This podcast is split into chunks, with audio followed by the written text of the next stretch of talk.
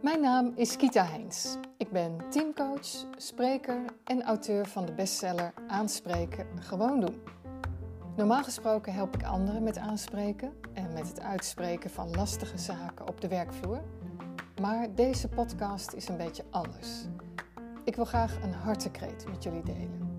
En een oproep doen aan journalisten. Eigenlijk hen aanspreken op hun verantwoordelijkheid in deze lastige coronatijd.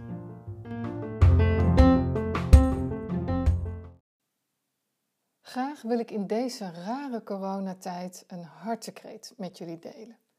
Laten we elkaar en onszelf alsjeblieft geen angst aanpraten.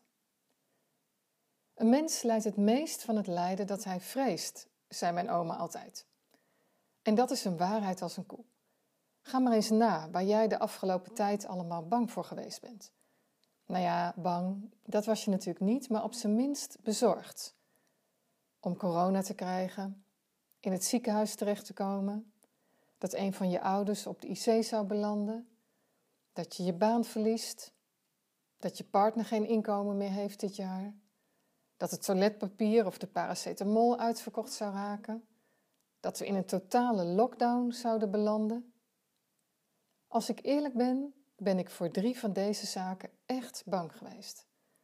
En ze zijn allemaal niet gebeurd, maar het heeft me wel heel veel energie gekost. Na de primaire paniek over onze gezondheid en onze voorraden, zie ik nu een nieuwe paniekgolf die over onze economie. De zwarte scenario's die het Centraal Planbureau en het IMF presenteren, helpen daar natuurlijk niet bij. Als ze zonder context gepresenteerd worden op het NOS-journaal, denk je natuurlijk dat dit is wat ons te wachten staat. Maar de waarheid is dat niemand het weet. Deze scenario's zijn gebaseerd op rekenmodellen met een beperkt aantal variabelen, hoe slim en doordacht ook. Een model helpt de werkelijkheid te begrijpen, maar is natuurlijk nooit de werkelijkheid. De meeste van ons hebben een crisis als deze nog niet eerder in hun leven meegemaakt. Dus het blijft lastig te voorspellen wat er gaat gebeuren. Misschien komt er wel een ongekende veerkracht naar boven en een enorme drive het zo snel mogelijk weer terug te brengen naar normaal.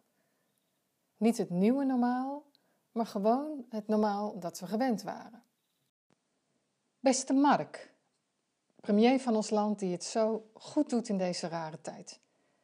Ik wil je vragen de woorden het nieuwe normaal niet meer uit te spreken, omdat dit impliceert dat het nooit meer gewoon normaal wordt en dat we nooit meer door kunnen gaan met wat we deden. Dat versterkt onze zorgen en paniek. Als we nou eens vanuit gaan dat we toegaan naar een normaal plus, het oude normaal plus het beste dat we in deze periode geleerd hebben. Meer thuiswerken, meer digitaal vergaderen en dus minder files, minder vliegtuigen en schonere lucht. Het is niet of oud of nieuw, maar en oud en nieuw. Beste journalisten, jullie berichtgeving heeft zo'n enorme invloed op hoe wij ons voelen. Willen jullie ons alsjeblieft helpen niet onnodig te somberen?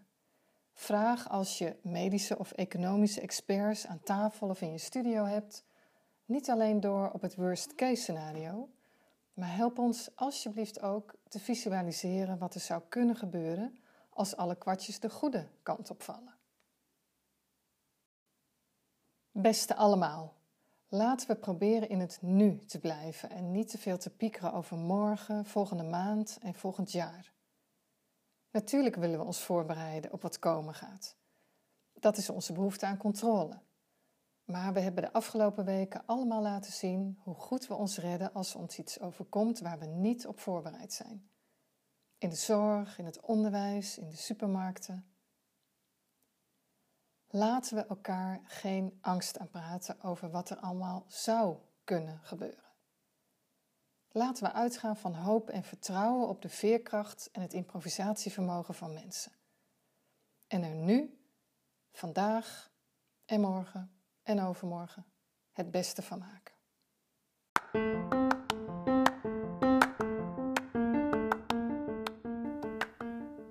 Ben je het eens met mijn oproep ons niet te laten leiden door angst, maar door vertrouwen?